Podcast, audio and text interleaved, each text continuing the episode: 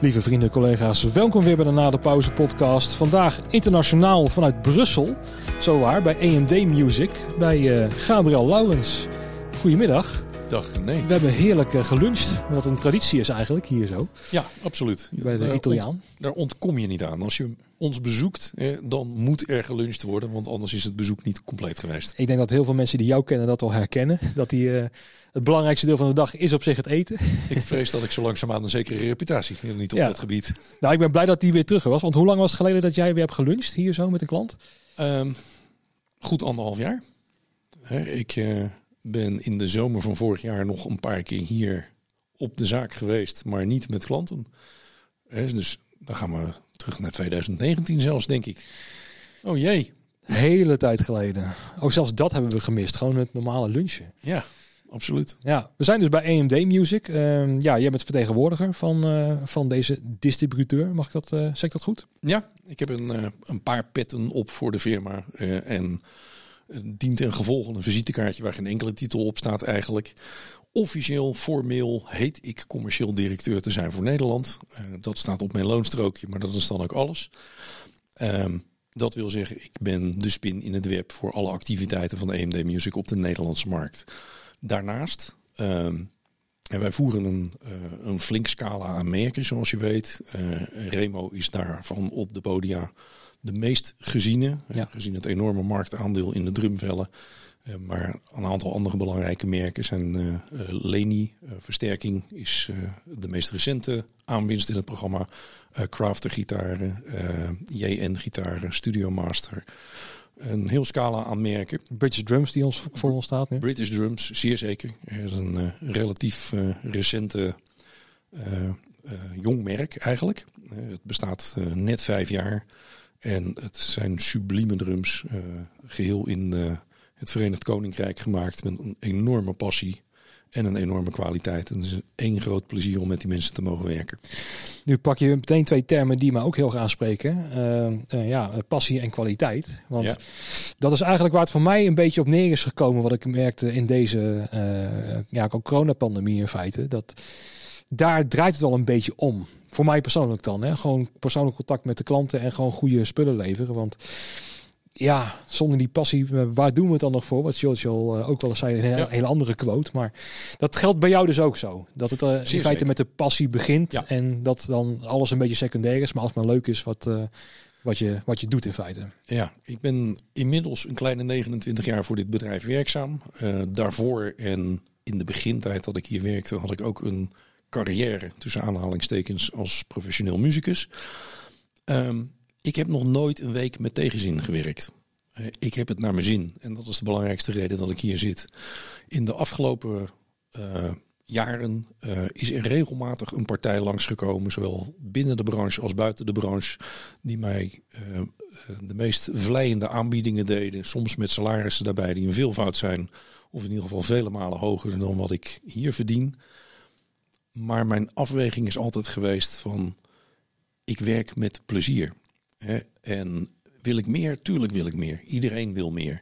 Kom ik tekort? Nee. En ik heb het ontzettend naar mijn zin. En ik denk dat het overgrote merendeel van de mensen die ik in onze muziekbranche uh, tegenkom, die hier korter of langer werken, die blijven hangen. Die werken allemaal vanuit een passie voor het vak.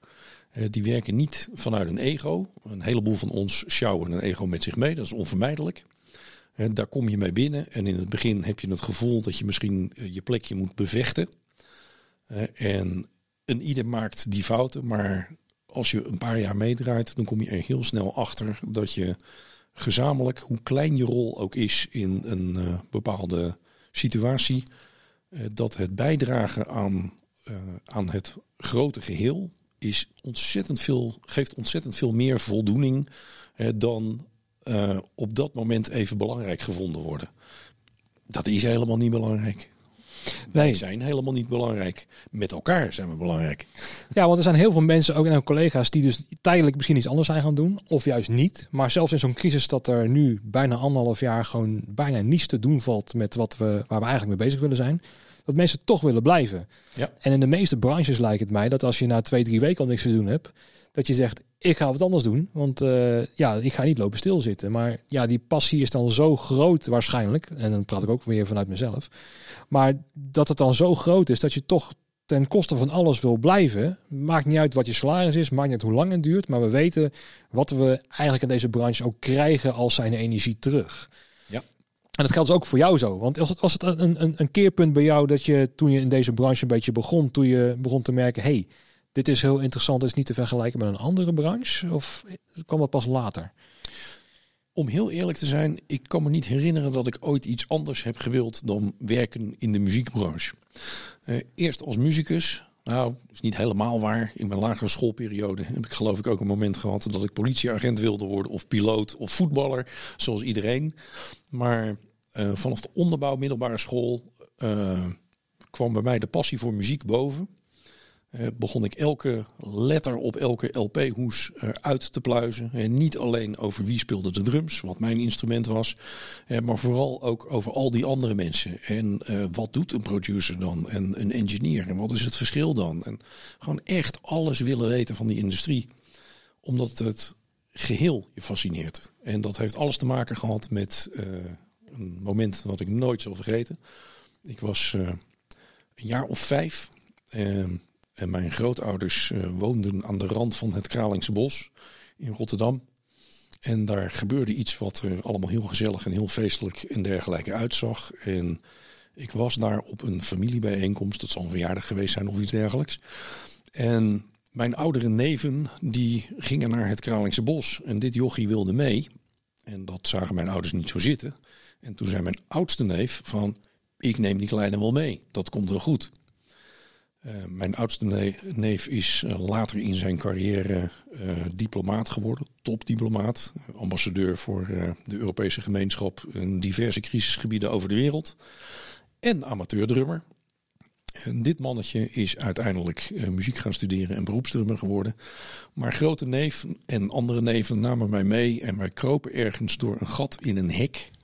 En wij stonden naar een iets geweldigs te kijken. Een enorm veld vol mensen. En dat gaf een enorm geroezemoes. En zo af en toe, als de windrichting goed was, dan kwam er een vlaag muziek over je heen. En dat waren de Stones in 1970. En daar, toen dacht ik van, dit wil ik ook. Wat ik precies wilde, dat wist ik nog niet. Ik heb altijd iets met trommeltjes gehad. Ik heb altijd lopen tikken. Ik heb altijd speelgoedtrommeltjes gehad. Uiteindelijk is dat mijn richting geworden. Maar het zou zomaar geweest kunnen zijn dat dat gitaar was of productie of wat dan ook. Ehm, de sfeer van dat enorme evenement, wat, eh, en die sfeer die ontstond vanuit die muziek en vanuit die productie die daar toen neergezet was, dat heeft mij gegrepen en nooit meer losgelaten. Nee. En ja, sindsdien zijn we vele evenementen verder, zeg maar. Want als we dan kijken vanaf dat je vijf was, richting, nou ja, eh, tiener of zo. Mm Had je dan ook al meteen iets gegrepen als bongo's of zo? Dat je thuis iets wilde bespelen, dat je dat meteen vroeg en dat je daarin wilde ontwikkelen, dat, het, dat, dat daar die interesse lag? Hoe ging het vanaf toen verder? Um, van heel klein af was dat gewoon een trommeltje. En ik weet dat mijn ouders al heel snel dat uh, blikken trommeltje vervangen hebben door een trommeltje met rubbervelletjes want ik was niet te stoppen. En aanvankelijk was de gedachte van we geven dat joch een trommeltje... dan kan hij een paar minuten per dag zich lekker uitleven. Zijn energie maar, kwijt. Maar het schijnt dat ik dat eindeloos deed. En ook heel snel allerlei plaatjes opzetten en mee ging zitten trommelen.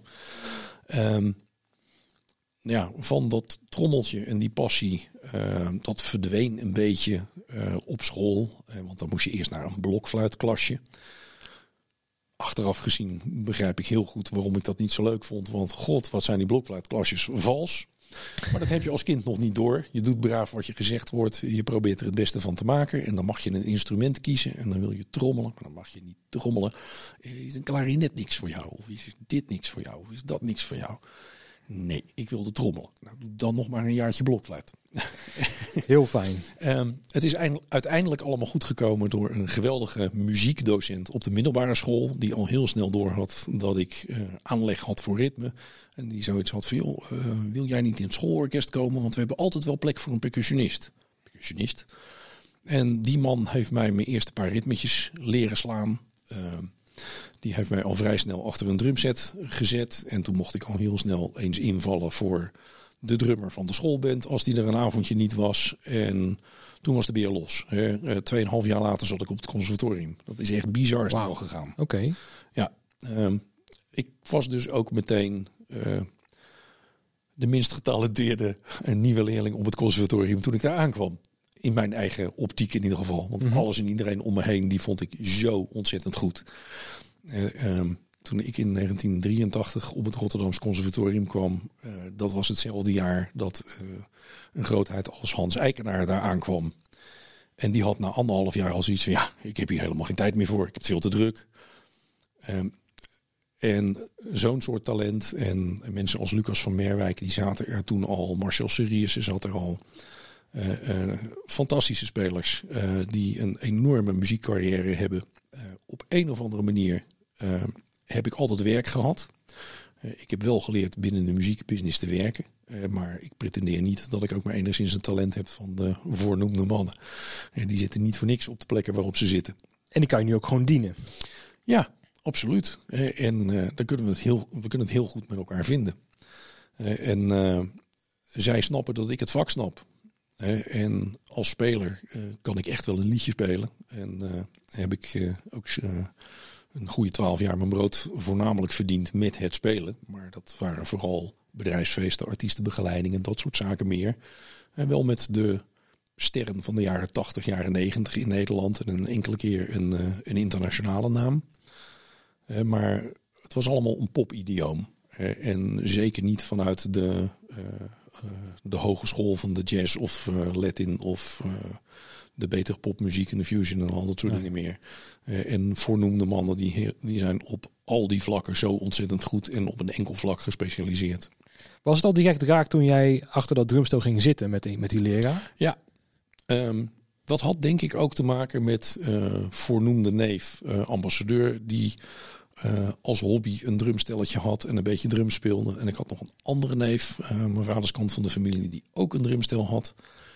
En het is vooral het uiterlijk van die trommels waar ik heel erg op viel. Oh, okay. de een was een Sparkle Gold drumstelletje en de ander een parelmoer blauw. En ik vond het allemaal zo prachtig. daar wilde ik gewoon achter zitten. En dat mocht ik dan van die mannen. En dan eens in de zoveel weken, als ik thuis op visite kwam, dan, uh, dan mocht ik tien minuutjes achter zo'n ding zitten. En dan was mijn maand weer goed.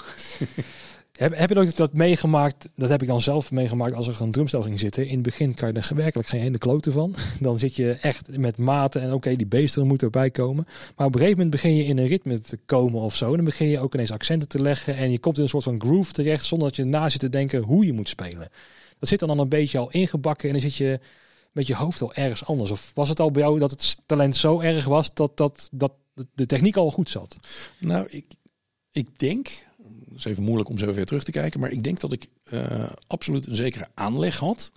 In de zin van dat ik nooit echt moeite heb gehad met een basis onafhankelijkheid. Wat natuurlijk niet echt onafhankelijkheid is, maar Um, tot op de dag van vandaag, uh, er zijn een heleboel dingen die ik net zo makkelijk rechtshandig als linkshandig doe.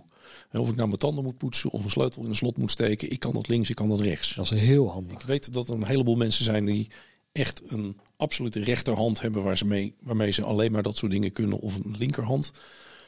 Ik denk dat ik dat van jongs af aan gehad heb. En zo heb ik ook altijd uh, een mate van onafhankelijkheid in mijn voeten gehad. Dus een uh, basisritme spelen achter een drumkit was voor mij niet zo ingewikkeld. Um, er iets van maken wat een beetje beter was, daarentegen, mm -hmm. daar zit het verschil. Uh, maar was dan vooral dat je de anderen zag en dat, dat hun een techniek hadden of accenten legden die voor jou nieuw waren van oh, dit is op een ander niveau? Was het een beetje die gedachte destijds dat je dacht, nou, laat dat maar aan hun over?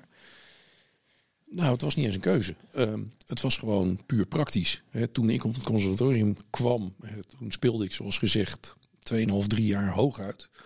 Uh, ik had wat lessen. En uh, ik denk dat de andere mannen die daar kwamen, gewoon met het instrument waren opgegroeid. Die speelden allemaal al veel langer.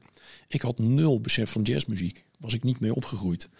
Uh, mijn moeder speelde viool, uh, heel verdienstelijk. Uh, dat doet ze nog steeds, 84 jaar oud. Wow, oké. dus ik kwam uh, als kind al regelmatig uh, in de doelen in Rotterdam. Uh, bij het Rotterdam Philharmonisch Orkest. Dan hing je als, als klein kind over de orkest, over de rand van de orkestbak heen. En ja, de leukste plek was waar al dat slagwerk stond.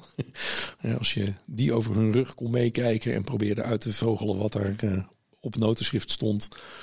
En dat was voor mij heel interessant. Dus ik ben heel erg opgegroeid met klassieke muziek. En die door de Stones in 70 is daar die passie voor pop en rock uh, dankzij mijn oudere neven aangekomen. Uh, die al hun Stones en Beatles en Ten en al dat soort plaatjes meer lieten horen. En gaandeweg begon ik ook platen te kopen. Uh, mijn allereerste eigen LP aankoop was ook een LP van de Stones van mijn zakgeld toen ik zes jaar oud was. ik kreeg zo af en toe een, een gulden toegestopt van mijn uh, grootvader. En uh, op een verjaardag kreeg je wel eens wat. En eindelijk had ik die 21 gulden bij elkaar die nodig was. En dan kon ik een hele LP kopen. Want singeltjes vond ik veel te duur. Dan had je maar twee liedjes voor 7 gulden of zo. Of 6 gulden. Ik weet niet wat het, uh, wat het was. Maar een hele LP, daar stonden er veel meer op. Ja, en die platenspeler was natuurlijk wel thuis al te vinden waarschijnlijk. Ja, en die was ook heel snel volledig onder mijn beheer. Hij stond weliswaar in de huiskamer. Mm -hmm. En als ik naar bed was, dan draaiden mijn ouders weer Franse chansons en klassieke muziek. En uh, op zondag stond het ook stevast aan. Maar er waren gewoon momenten dat ik het, het beheer voerde over de stereo betekent dat wel dat je een heel erg breed palet aan muziekkeuze hebt gehad vroeger. Als je dan hoort klassiek, hè, ja. viool uh, bij, de, bij het Rotterdamse uh, orkest dan uh, staan. Ja. En dan ineens de Stones op, op vijf jaar, wat natuurlijk totaal andere richting is. Ja. maar je staat wel direct open voor. En tot de dag van vandaag denk ik, ik zie nog steeds op Facebook wel dingen voorbij komen dat je weer in, in de doelen zit bij het, bij het orkest. Absoluut. Maar ook wel te vinden bij het betere Latinwerk of bij de jazz zelfs. Ja, zeer zeker. Ook oh, jazzmuziek ben ik enorm gaan waarderen, maar dat begon eigenlijk pas rondom mijn conservatoriumtijd. Uh, ik ging daar naartoe met het naïeve idee dat je naar alle popmuziek uh, mocht spelen. Want uh, de afdeling in Rotterdam waar ik gestudeerd heb heette lichte muziek. En die heette open te staan voor alle soorten muziek. In de praktijk waren de docenten gewoon klassiek geschoolde muzici. Die een praktijk in de jazzmuziek hadden. Dus eer ik een half jaar daar op school zat, speelde je alles uit rielboek. En was je helemaal niet meer bezig met de rockbandjes en de dingen waar je mee bezig was voordat je op het conservatorium kwam. Althans, dat deed je ook nog wel, maar niet meer in de opleiding. Want je kreeg ook heel sterk het gevoel van dat het allemaal net niet was. Uh, ja. De docenten uit die tijd, er was er één bij, ik zal nooit vergeten, ik had met de kerst flink wat gespeeld. En ik had mijn geld omgezet in de aankoop van een twinpedaal. Waarop mijn docent zei, toen ik het hem vertelde, dat ik een twinpedaal had gekocht van... zou je niet eerst met één beestdrum liggen spelen? Bovendien, gasten met twee bassdrums, die maken geen muziek. Dat is ook een extreem uh, standpunt trouwens. Nogal, ja. Ik heb het de man vergeven.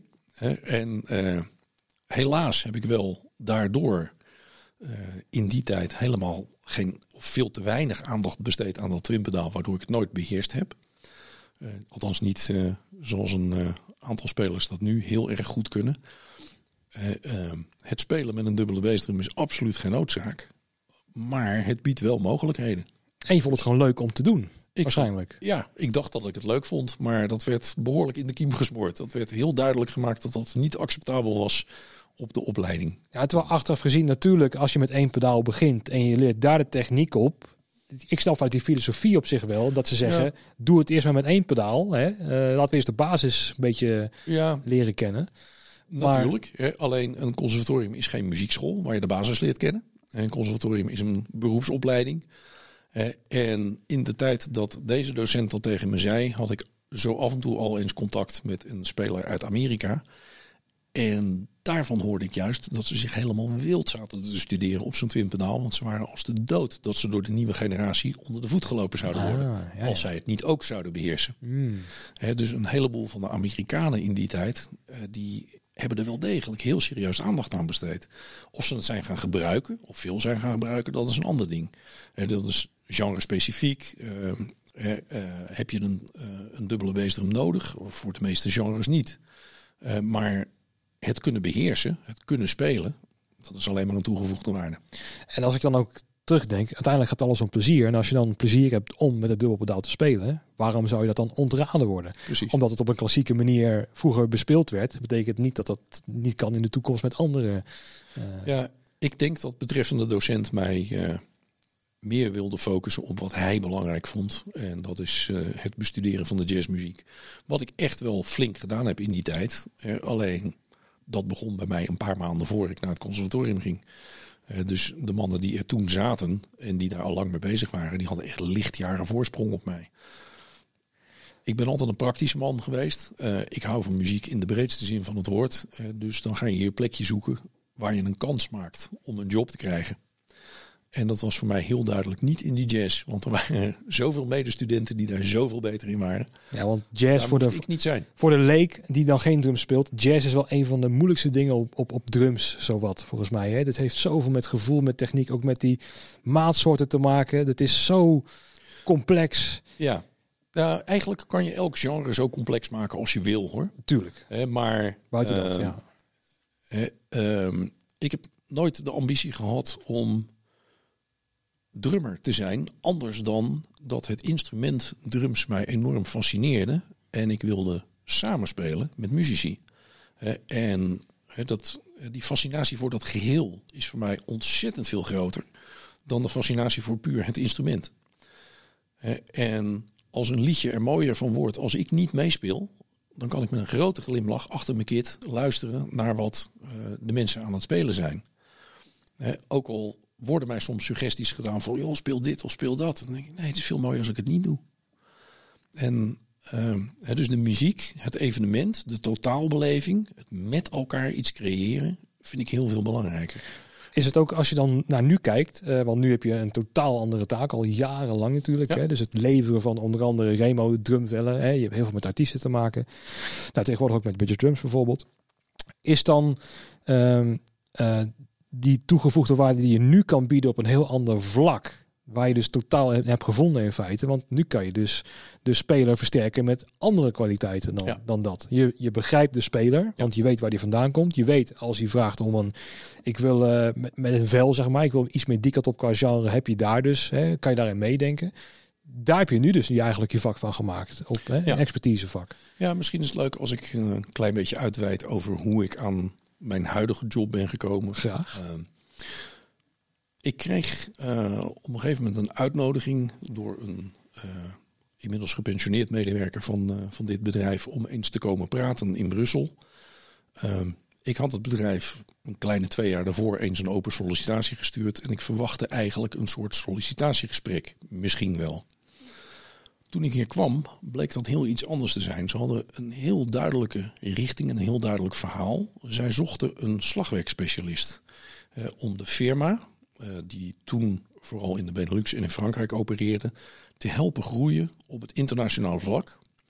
Eh, eh, en zij zochten een slagwerkspecialist die kennis had van de podia, die kennis had van de muziekgenres, die primair zijn geld ging verdienen in een commerciële functie, eh, maar vooral het bedrijf kon helpen groeien eh, met het maken van keuzes op slagwerkgebied. Toen ik bij EMD kwam, eh, toen was eh, Remo eh, één van de merken die EMD in distributie voerde. Maar er waren op de Nederlandse markt nog zeker vijf andere partijen die ook Remo verkochten. Eh, Er waren toen een heleboel distributeurs. In de loop der jaren is dat gaan schuiven. Ehm, we hebben een hoeveelheid slagwerkmerken eh, in het programma gehad, mede dankzij mij. En een nevenfunctie die ik binnen het bedrijf heb, is dan eigenlijk ook dat ik altijd de internationale slagwerkgerelateerde evenementen van de firma heb ondersteund. En sinds eind jaren 90 ben ik ook eh, informeel aangesteld door Remo als Artist Relations Manager voor het Europese vasteland. Onder supervisie van de Verenigde Staten. Ehm, dat omdat ik met de Remo mensen eh, de nodige eh, eh, evenementen al gedaan had. En dat zij ook gedegen kennis genomen hadden van wat mijn bagage was als muzikus. Ik had ook veel studiowerk gedaan, veel live werk, allerlei dingen meer. En ook ehm, opgeleid in de Remo-filosofie. Ehm, Remo gaat heel erg uit van klank. Ehm, En die benaderen dat. De Remo-fabriek, voor degenen die dat niet weten, die zit, uh, zat oorspronkelijk in Noord-Hollywood. Daar waar uh, de facilitaire bedrijven van de film- en de uh, geluidsindustrie zaten. Inmiddels zit de fabriek iets verder naar het noorden. Maar ze zijn echt geworteld in het Hollywood vanaf de jaren 50. Remo Belli, de oprichter van het bedrijf, die was in en na de Tweede Wereldoorlog als hele jonge man als professioneel drummer met allerlei sterren op tour. Want de professionele drummers van zijn tijd, de wat ouderen, die zaten allemaal in dienst. Die zaten allemaal in het leger. Die zaten in Amerika. En hij als jochie van 16 jaar uh, kreeg toen een professionele slagwerkcarrière. Later is die muziekwinkel begonnen. Later zijn drumvellenfabriek. En Remo heeft vanaf dag één met alle internationale drummers en sterren samengewerkt, maar net zo hard met alle grote studio's. Mm. En uh, de studio's in de Hollywood-omgeving, uh, dat zijn zeer gerenommeerde studio's geworden onder invloed van de filmindustrie. De filmindustrie, daar gaan zulke kapitalen in om dat wanneer iemand iets bedenkt en dat kan gerealiseerd worden, dan wordt dat gerealiseerd. Dan wordt daar een hele studio voor gebouwd, dan wordt er apparatuur voor gebouwd, et cetera. En vanuit al die kennis die er in die industrie heerst, is Remo altijd heel erg meegegroeid. Uh, een drumvel in de filosofie van Remo uh, moet zoveel mogelijk klinken.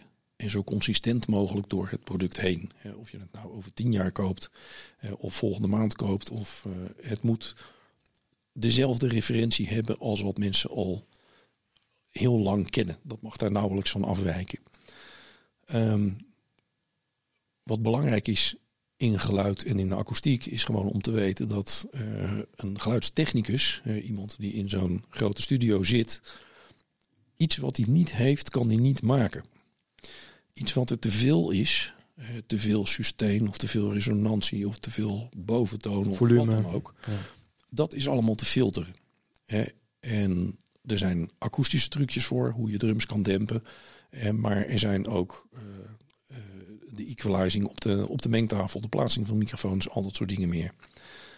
Um, door mijn carrière als muzikus en in de breedte heb ik ook veel in studio's gezeten, veel meegemaakt. Altijd een enorme fascinatie gehad voor wat doet die engineer. En hey, dit is goed, potverdorie. Proberen te onthouden hoe die dat doet. En van gedachten wisselen met mensen. En gaandeweg ben ik heel vaak uitgenodigd uh, door uh, mensen in die studio's om mee te denken om bepaalde sounds te gaan maken. En die ervaring die heb ik gewoon meegenomen naar mijn huidige werk. En dat is denk ik, een, of weet ik zeker, een belangrijke factor geweest voor mijn huidige werkgevers. Dat ik een interessante persoon kon zijn voor de firma. Want ik had een commerciële link. Uh, uh, in mijn hele familie uh, van beide ouders komen er nodig ondernemers en ondernemertjes voor. en ik heb ook een, een, ja, een behoorlijk brede visie op muziek en kan van daaruit mensen helpen. Nou, dat is in de afgelopen 25 plus jaren natuurlijk enorm gegroeid door in de gelegenheid te zijn om te werken met alle topmuzici. Al mijn helden van vroeger en allerlei helden van nu zijn erbij gekomen.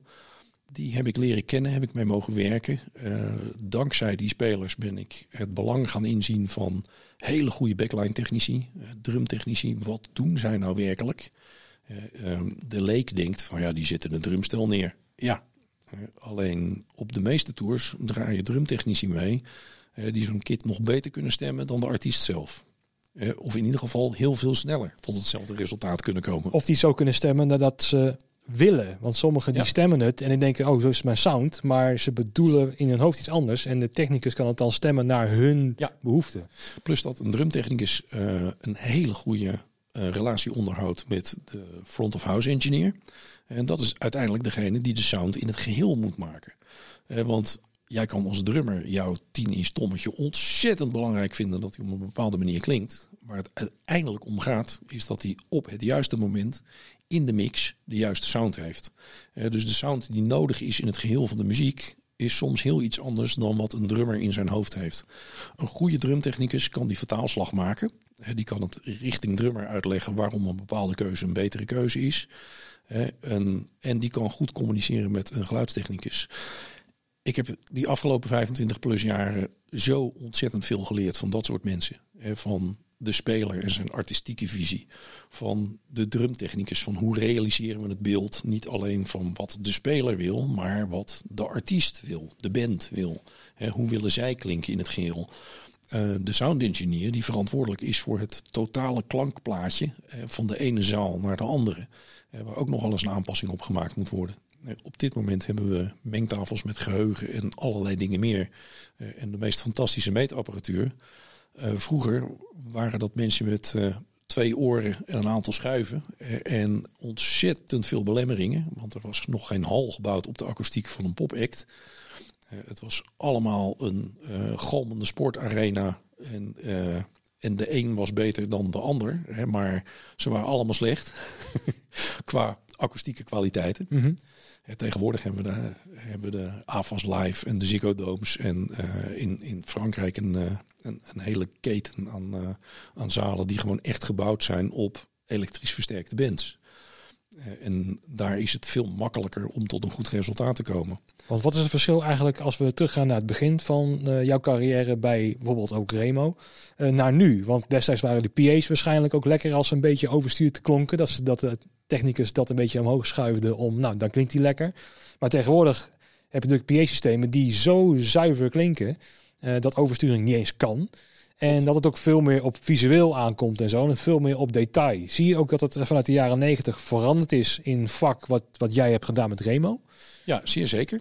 Als ik nu naar een geluidstechnicus kijk, dan heb ik geen idee meer waar ze mee bezig zijn. Uh, uh, 15 jaar geleden kon ik het behoorlijk volgen, een analoge tafel. Dat snapte ik nog enigszins. Uh, die equalizing waar je rekening mee moest houden en wat je hoorde en waar je dan een aanpassing moest zoeken.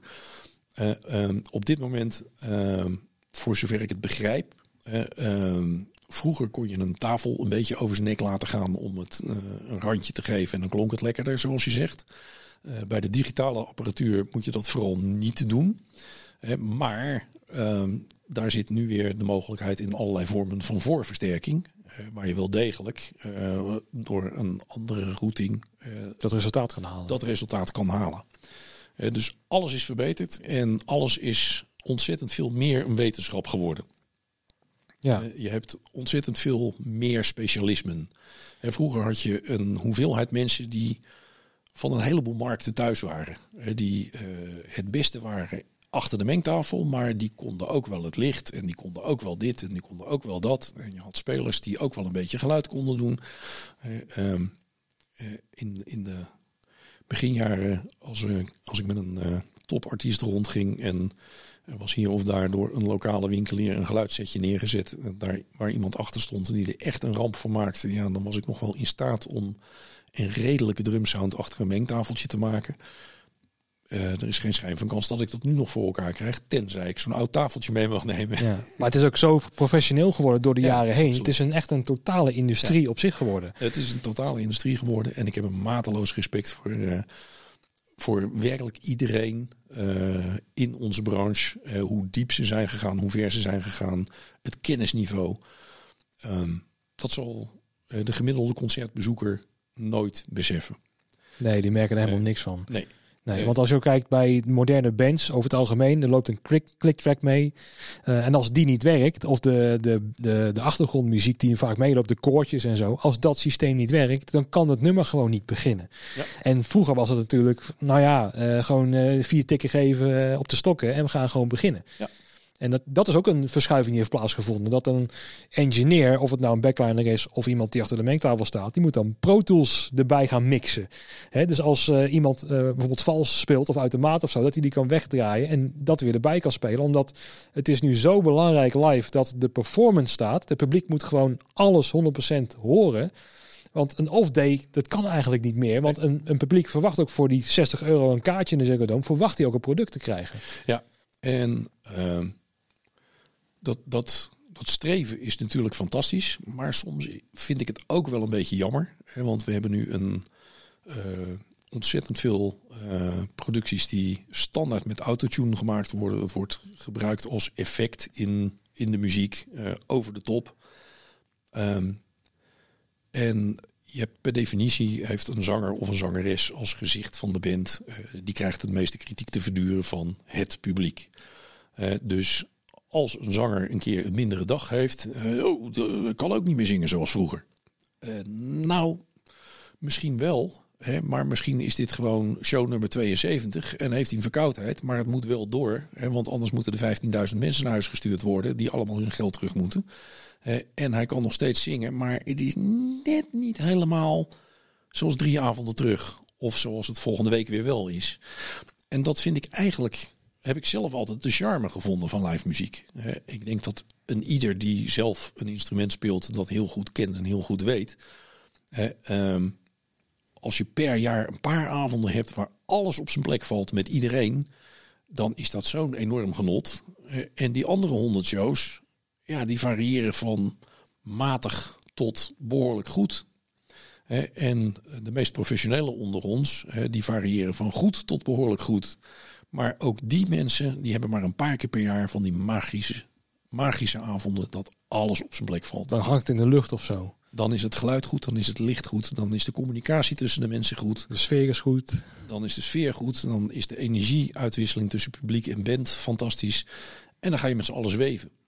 Dan ontstaat er iets wat, uh, wat je van geen kant achter je computertje met al je talent thuis op je kamertje voor elkaar kan krijgen. Nee. Uh, muziek is uh, voor mij interactie.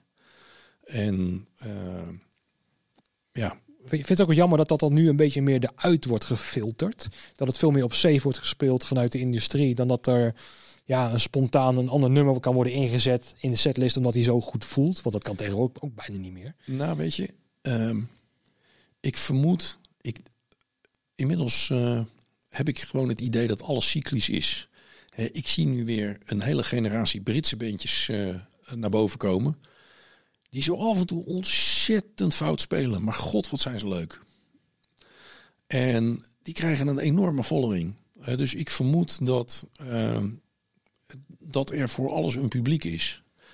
en waar ik vroeger met een mateloos respect uh, in de jaren tachtig naar een band als Toto stond te kijken. Van hoe is het mogelijk dat dat zo goed kan op een podium? Dit is bijna perfect. Um, ik denk dat er altijd gestreefd zal worden naar een zo hoog mogelijk niveau en dat daar respect voor bestaat. Uh, maar uh, een punkbandje is ook verschrikkelijk leuk. Echt heel erg leuk. Dat is een totaal andere energie. Maar ja, uh, daar is helemaal niks mis mee. Als we dan ook kijken naar het Songfestival bijvoorbeeld, waar we het ook met de lunch over hebben gehad, is dat het eigenlijk ook wel weer mooi is dat je dan heel veel gladde producties ziet. Hè? Uh, uh, alles moet op die millimeter goed zijn. En natuurlijk bij het Songfestival alleen de, zang is live, de rest is fake. Dat, dit, dat heeft met changementen te maken, dat is technisch. Maar uiteindelijk wint er wel weer een rock pop act, om maar zo maar te zeggen, met dus drums, bas, gitaar. We waren, tenminste, ik was een beetje bang dat dat een beetje naar de verleden tijd zou gaan geraken. En ook bij het bedrijf oké, wordt het alleen maar DJ's, wordt het alleen maar EDM, wordt het alleen maar autotune met R&B, met hiphoppers. Uh, maar gelukkig is die behoefte daar nog steeds. En als je ook kijkt naar de sales van gitaren de afgelopen jaren in deze pandemie, is door het dak gegaan. Um, dus die behoefte is er nog steeds. Dus je merkt wel, als er een beweging is, komt er altijd ook weer een tegenbeweging. Ja, en ik denk dat uh, als corona ons iets geleerd heeft, uh, dan is het wel dat iedereen heeft leren waarderen hoe ontzettend leuk sommige dingen waren waar we vroeger niet eens meer stil stonden dat die leuk waren. Het gewoon naar een winkel gaan om iets te proberen. Waar we anderhalf jaar geleden dachten, oh, binnenkort kunnen we alles via het internet. Dat kan wel. Het is ook hartstikke goed dat dat kan. Het is een toegevoegde waarde. Maar die winkel, met al die dingen die je echt in je hand mag pakken, waar je echt het verschil kan horen tussen drie dezelfde gitaren, die toch net allemaal anders zijn, omdat het net allemaal een ander stukje hout is. Eh, die beleving en die ervaring, die realiseren we ons nu ook ineens weer. En ik denk, eh, voor, voor mij was het feit dat uh, de, die Italianen met dat bandje, uh, Manescan heette ze geloof ik. Ja. Um, dat die gewonnen hadden was voor mij het ultieme bewijs dat, we, dat heel Europa zat te smachten naar festivals en live muziek. En ja, dan is het maar een bakherrie. Maar verdomme, dat is leuk. Jazeker. En nummer twee was Zwitserland volgens mij met ook een mooi, uh, mooi nummer. En de derde was Frankrijk met ook een typisch uh, chanson volgens mij. Dus dat is ook in de basis eigenlijk de muziek zoals we die vanuit het verleden, om het eventjes heel erg, ja, zeg eigenlijk helemaal niet goed, maar hè, best wel klassiek, hoe we het een beetje kennen, dat dat naar voren komt alsnog. Ik, ik denk dat een goed liedje altijd een goed liedje zal zijn, wat de tijd ook is. Ja. Daarnaast denk ik dat er ook allerlei andere vormen van opwinding zijn. Uh, begin van ons gesprek hadden we het over passie. En ik denk dat uh, muziek in essentie heel erg gaat over passie. En dat kan een passie zijn voor de schoonheid of de perfectie. Maar dat kan ook een passie zijn voor een enorme drive en energie. Of een enorme verontwaardiging. Of wat dan ook. Dat zijn allemaal emoties die je prachtig in muziek kwijt kan. Uh, en uh, ik denk dat dat allemaal ook heel goed naast elkaar kan bestaan. Eh, er was een tijd dat ik dacht dat ik een ontzettende hekel had aan rappers. Inmiddels heb ik er een aantal ontdekt waarvan ik denk van potverdomme, dat is leuk. En het is een kwestie van A, leren luisteren, willen leren luisteren. Inleven. Inleven. Maar soms word je ook ineens gepakt door iets of iemand die iets doet waar jij totaal eh, niet dacht enige voeling mee te hebben. En dan ineens blijkt dat wel zo te zijn. En dan wil je meer weten. En wat drijft nou die persoon? En waarom vind ik hem of haar wel goed en de rest niet? Uh, en ja, ik denk dat passie de allerbelangrijkste drijfveer is voor mensen om een leuk leven te hebben. Ja, zeker. Ik ga even een hele andere kant op met het gesprek. Want ik ben namelijk heel benieuwd naar twee dingen. Hoe is het in Amerika gegaan en hoe is het in Engeland gegaan? Want jij hebt natuurlijk heel goed contact gehad met... Nou ja, Remo zit in Valencia, Californië. En met Peter Drums, die zit in... Uh, was bij Manchester in de buurt volgens mij? Klopt, die zit een stoppoort uh, net met uh, Manchester. Twee totaal andere landen die waarschijnlijk ook anders met deze pandemie zijn omgegaan. In ja. coronasteun, in, in het livewerk, noem het allemaal maar op. Misschien ook per staat verschillend. Dat in Texas meer kon dan in Californië en in New York. Ehm, hoe is dat vanaf het begin in maart gegaan? Want uiteindelijk ging alles dicht voor internationaal eigenlijk. Dus ook voor ons. Dus wij mhm. moesten ook twee weken thuis blijven. Um, wij hebben nog relatief goede steun gehad van de overheid. Mag ik zelf op persoonlijke titel zeggen. Dat geldt niet voor elke freelancer, niet voor elk bedrijf. Maar persoonlijk voor mij is het allemaal goed gegaan. Maar in Amerika is het natuurlijk een heel ander verhaal. Ja. Hoe is het vanaf daar gegaan? De, de fabriek is dicht gegaan voor een geruime tijd volgens mij, hè? Eh, de Remo-fabriek. Absoluut. En sindsdien, hoe zijn hun ermee omgegaan? Um, realistisch. Uh, voor zover ik ervan weet, uh, wat ik heb meegemaakt, wat ik gehoord heb.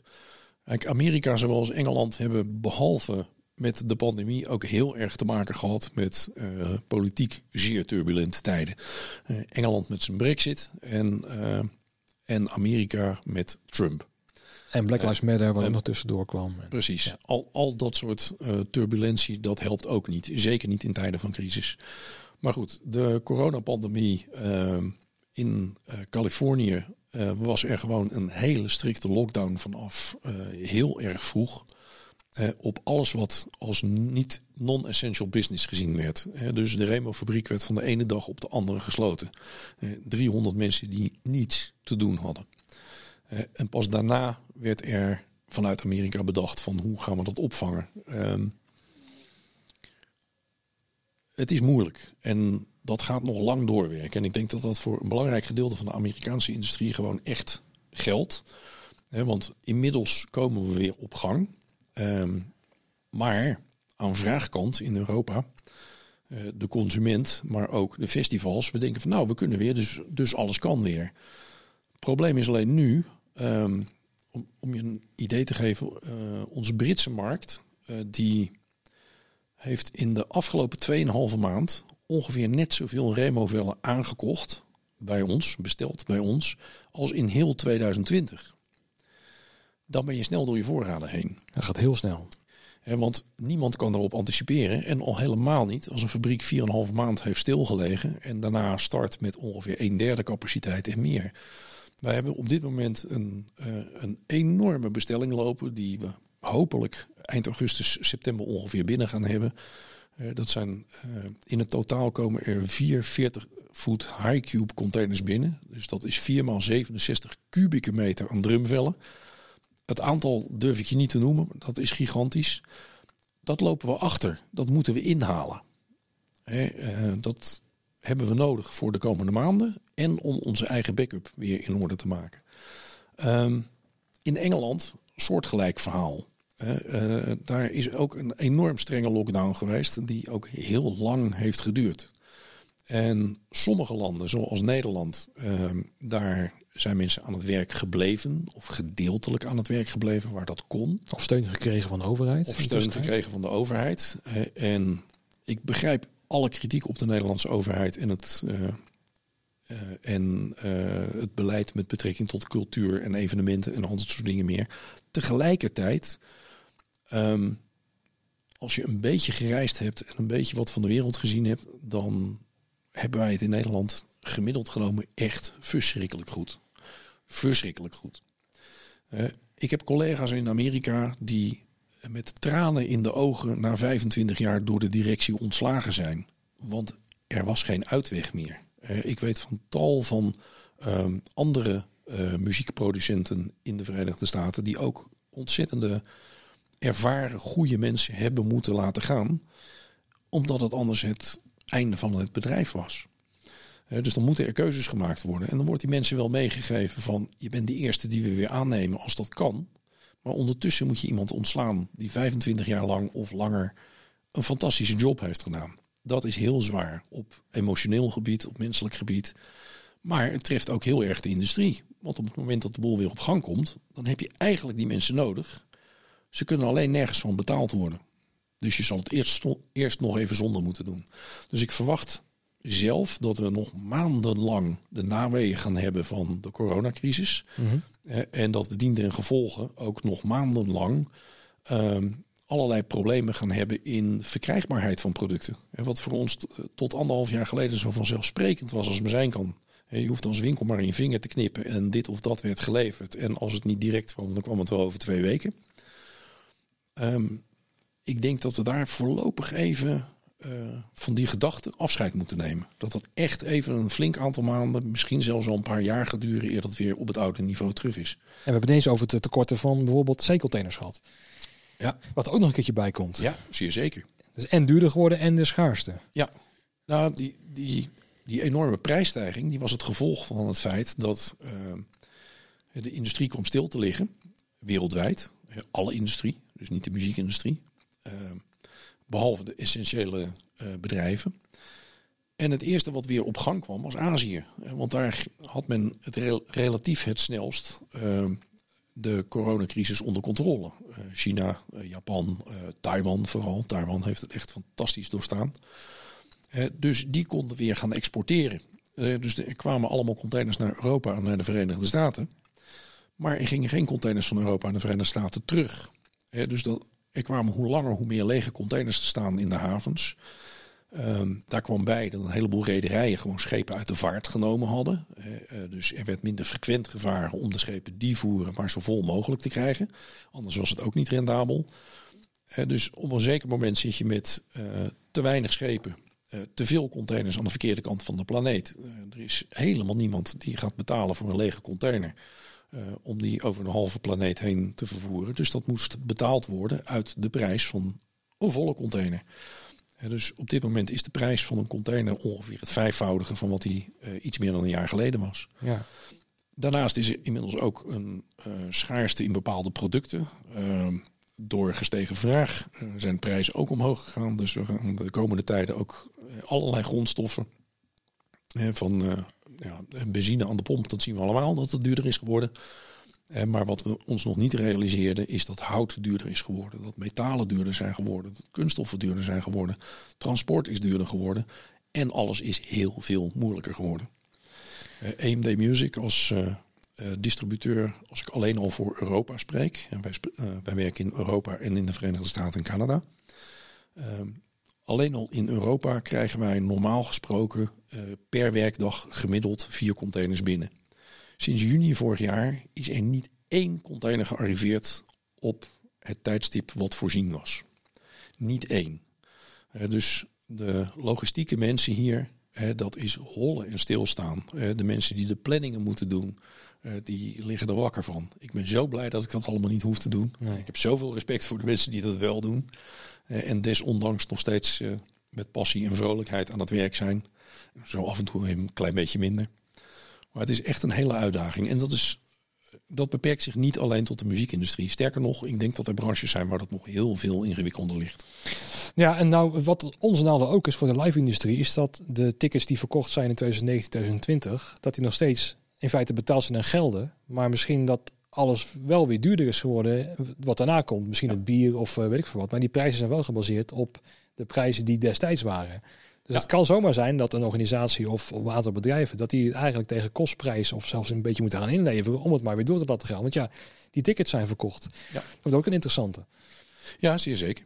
dat, uh, daar moet ik je eerlijk zeggen, daar had ik nog niet eens zo over nagedacht. Maar natuurlijk heb ik ook uh, van een ik heb ook een paar tickets hè, en ik heb ook nog wat vouchers van KLM. Hè, en ja, ik moet zien of ik daar nog mee kan doen wat ik ermee kon doen een jaar geleden. Ja. Anderhalf jaar geleden. Ik denk met een live optreden wel, omdat wat ik wel uit deze industrie merk is, laten we het alsjeblieft door laten gaan zoals het ging. We zijn er lang bij als we weer aan de slag mogen en het publiek mag komen. Dan maar wat minder winst. Maar laten we alsjeblieft weer aan de, aan de slag gaan. Ja. Wat voor andere branches helemaal niet zo geldt. Maakt al mee bij de bij de tandarts volgens mij, na twee, drie maanden toen ze weer een beetje open mochten, 54 kronen toeslag. Vanwege extra mondkapjes, vanwege extra... Dus die waren direct eh, de rekening door aan het schuiven aan, uh, aan de consument. Nou, als dat wij, uh, wij dat moeten doen, wat wij allemaal gemist hebben, nou, dan wordt het gewoon echt zo onbetaalbaar. Maar zo zitten wij eigenlijk niet in elkaar, als ik even heel generaliseren dat mag zeggen. Want we zijn lang blij als we weer gewoon weer onze dingen mogen doen of zo. Ja, ja dat, daar ben, ik van overtuigd. Eh, we willen er wel allemaal onze boterham mee kunnen verdienen. Maar op dit moment is het feit dat alles weer gaat draaien belangrijker uh, dan hoeveel komt er precies binnen. Ja. Ja, hoe zit het trouwens met de, met de Brexit? Want we gaan al richting de afsluiting. We zitten al lekker lang te praten. Ja, het gaat echt snel. We zijn net begonnen. Ja, dat zei ik toch van tevoren. Het gaat veel, gaat veel sneller dan je denkt. Maar de Brexit gaat ook nog wat uh, teweeg brengen, denk ik. Want je hebt natuurlijk met Richard uh, goed contact. Ja. Um, hoe, wat is de tendens daar zo? Daar ben ik wel benieuwd naar. Zijn hun van overtuigd dat alles weer, nou, komt wel goed. We krijgen alles wel aan de overkant van, uh, van de sloot. Of is het, nou, dat nou, gaat nog een beetje haken en ogen krijgen als het weer een beetje gaat lopen. Daar zijn de meningen over verdeeld. Um, begin van de brexit was het absolute chaos. En uh, ik denk dat veel dingen nog steeds chaos zijn en nog steeds tal van belemmeringen kennen. Um, om je een idee te geven, uh, januari van dit jaar, de eerste brexit maand, normaal gesproken uh, vertrekt er vanuit ons centrale magazijn hier in Brussel een uh, uh, zo'n 750.000 pond aan materiaal naar het Verenigd Koninkrijk. dat is een normale afname in de januari maand. Dat was op 31 januari van dit jaar was dat nog geen 18.000 pond. Want de hele rest zand vast. En er waren zelfs transporteurs die zeiden van wij gaan voorlopig niet. Laten ze het eerst maar uitzoeken. Want elke trailer die richting de haven vertrok, die kon na een hoeveelheid dagen vastgestaan te hebben weer onverrichte zaken terugkeren. Want dit document klopte niet en dat klopte niet. En zus en zo. Ik heb begrepen dat het andersom zo mogelijk nog erger was vanuit Engeland uh, naar het vasteland. Um, voor wat de British Drums betreft hebben wij daar nog niet zoveel van kunnen merken. Want die zaten gewoon in de lockdown. We hebben dit jaar precies één levering gekregen. En dat waren al die goederen die kort voor de lockdown eigenlijk al klaar stonden. Eh, maar door Brexit en, uh, en andere uh, toestanden de grens niet overkwamen. er was een zending die 14 december vanuit Manchester vertrok naar Europa. En die hebben we eind januari wederom in Manchester teruggevonden. Oké. Toen stond de trailer op het inmiddels verlaten fabrieksterrein. Want die was gewoon afgekoppeld door de transporteur. Van ja, we kunnen niet weg. En uh, hij kwam. Uh, hij zat vast in, uh, in het verkeer voor Calais. Frankrijk had toen de grens gesloten vanwege de, de nieuwe coronavariant in Engeland. dus iedereen stond vast in de file bij Calais. Die arme chauffeur heeft daar een paar dagen vastgestaan. Hij kreeg toen van zijn baas de opdracht van nou keer maar om en breng die trailer maar terug. Teruggekomen bij de fabriek bleek de fabriek inmiddels weer een lockdown te zijn en helemaal verlaten. Dus de man heeft de trailer ontkoppeld en op het terrein neergezet. En zoek het uit. En, en het heeft geloof ik een goede twee weken geduurd eer iemand er bij toeval achterkwam van verrek. Er staat hier een trailer, wat doet dat ding hier?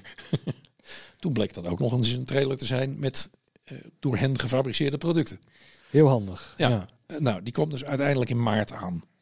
Ehm, inmiddels ehm, hebben wij de dingen goed voor elkaar naar Engeland. Ehm, hebben we alles op uh, fabrieksniveau, zowel met Leni-versterking als met British Drum Company, ook goed voor elkaar. Uh, wetende dat alle documenten en dergelijke nu voor elkaar zijn.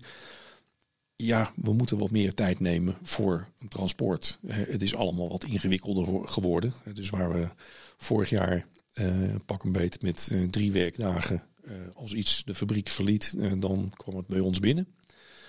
Op dit moment pakken we daar een volle week extra voor. Maar we rekenen voor het gemak twee weken. En dan lukt het meestal wel. Ja. Nou, ik ben heel benieuwd hoe het dan... Qua, kijk, mijn materiaal is duidelijk. Ik bedoel, ook bij Proton, we hebben alles gewoon op voorraad. Daar zal het niet zo heel erg aan gaan liggen, denk ik. Maar zeker met tours, als het moet gaan beginnen... en met uh, papierwerk om zeg maar de grens over te gaan. En dan nog alle personele dingen met visa's en zo. En, uh, en dat ook een chauffeur nu nog volgens mij één keer in de maand terug moet keren... Ja. op het punt waar die... Uh, dat is voor mij nog steeds hetzelfde, dacht ik.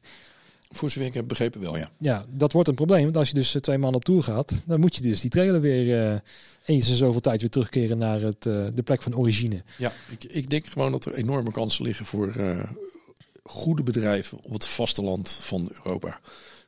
traditioneel zijn een heleboel van de, van de grote tours, met name van Amerikaanse acts, gestart en begonnen vanuit Engeland.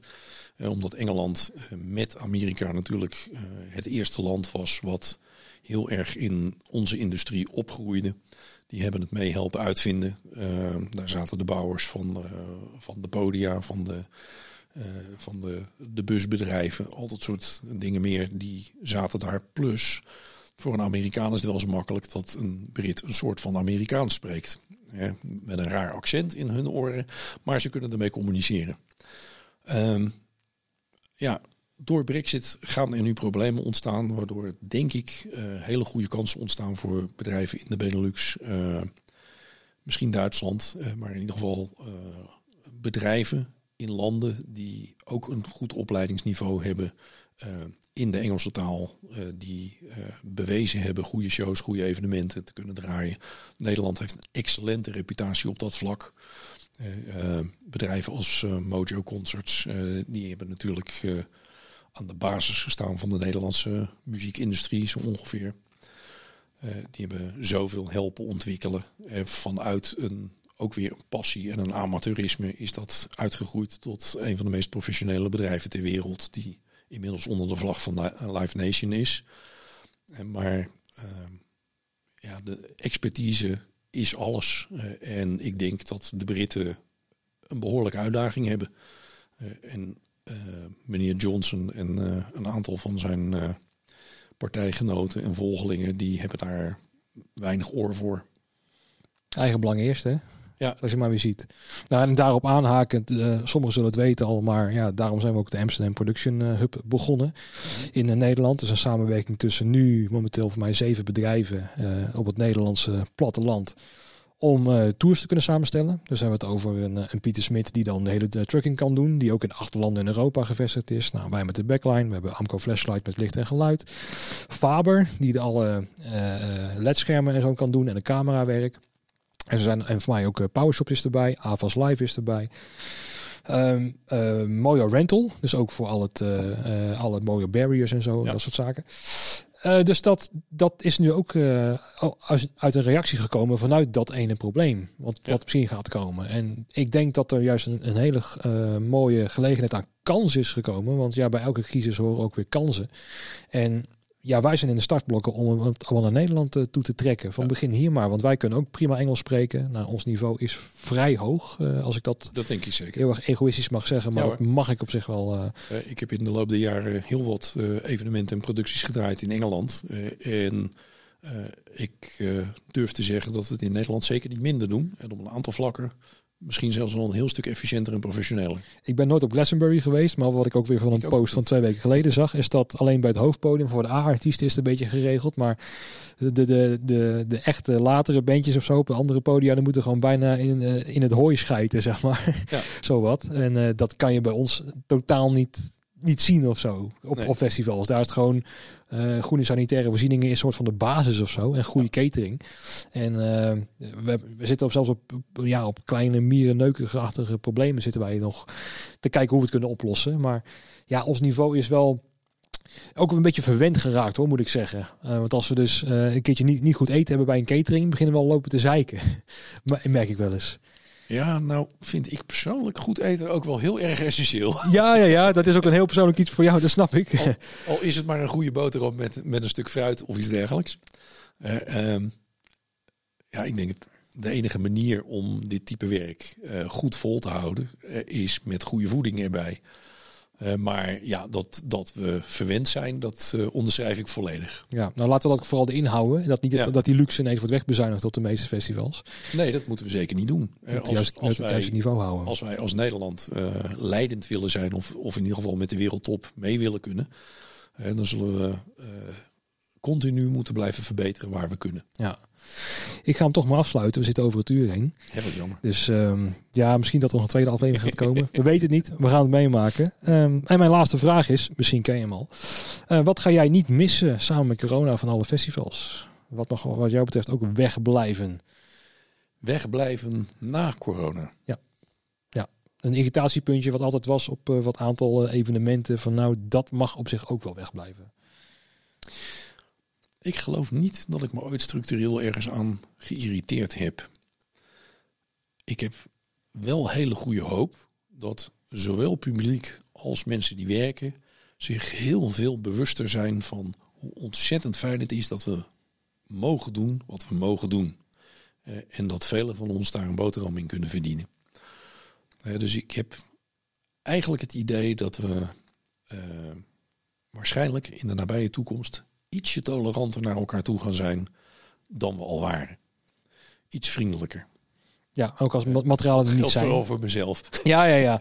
Nee, ik denk ook wel dat we hadden net bijvoorbeeld over een Nederlandse drummer die dan nu met zijn bestelling eh, binnenkwam en eh, dat dan nu niet leverbaar is. Nee. Ik denk dat, eh, dat de meesten ook wat ja, met een alternatief genoegen moeten nemen. En wat vroeger dus niet kon. Hè, van dit zijn gewoon mijn vellen en als het er niet staat, dan kom ik niet optreden. Ik denk dat de tendens nu al heel anders wordt. Van nou, dit kan ik leveren, dit staat er. En Ja. dit is hem. Ja, absoluut. Eh, We zijn er alles aan aan het doen om eh, dingen zo snel mogelijk voor elkaar te krijgen. Eh, We hebben zelfs luchtvrachten gepland. Maar vier containers door de lucht, dat is onbetaalbaar. Eh, ehm, Zoveel marge zit er echt niet om een drumvelletje. Dus dat gaat niet gebeuren. Dus de hoogst noodzakelijke dingen om te servicen, die gaan al door de lucht komen. En de rest is wachten op de containertransport. Maar ja, zolang productie beperkt blijft of is, of er een schaarste is aan materialen, of wat we een aantal jaren geleden ook gezien hebben, even een klein zijspoortje, eh, toen eh, de Amerikanen na 9-11 eh, massaal naar Afghanistan gingen en vervolgens naar Irak. Eh, ehm, eh, een gedeelte van de marching drumvellen wordt gemaakt van Kevlar. En Kevlar is het materiaal waar kogelvrije vesten van gemaakt worden. Nou, dat was in die tijd dus niet te krijgen voor een normale prijs.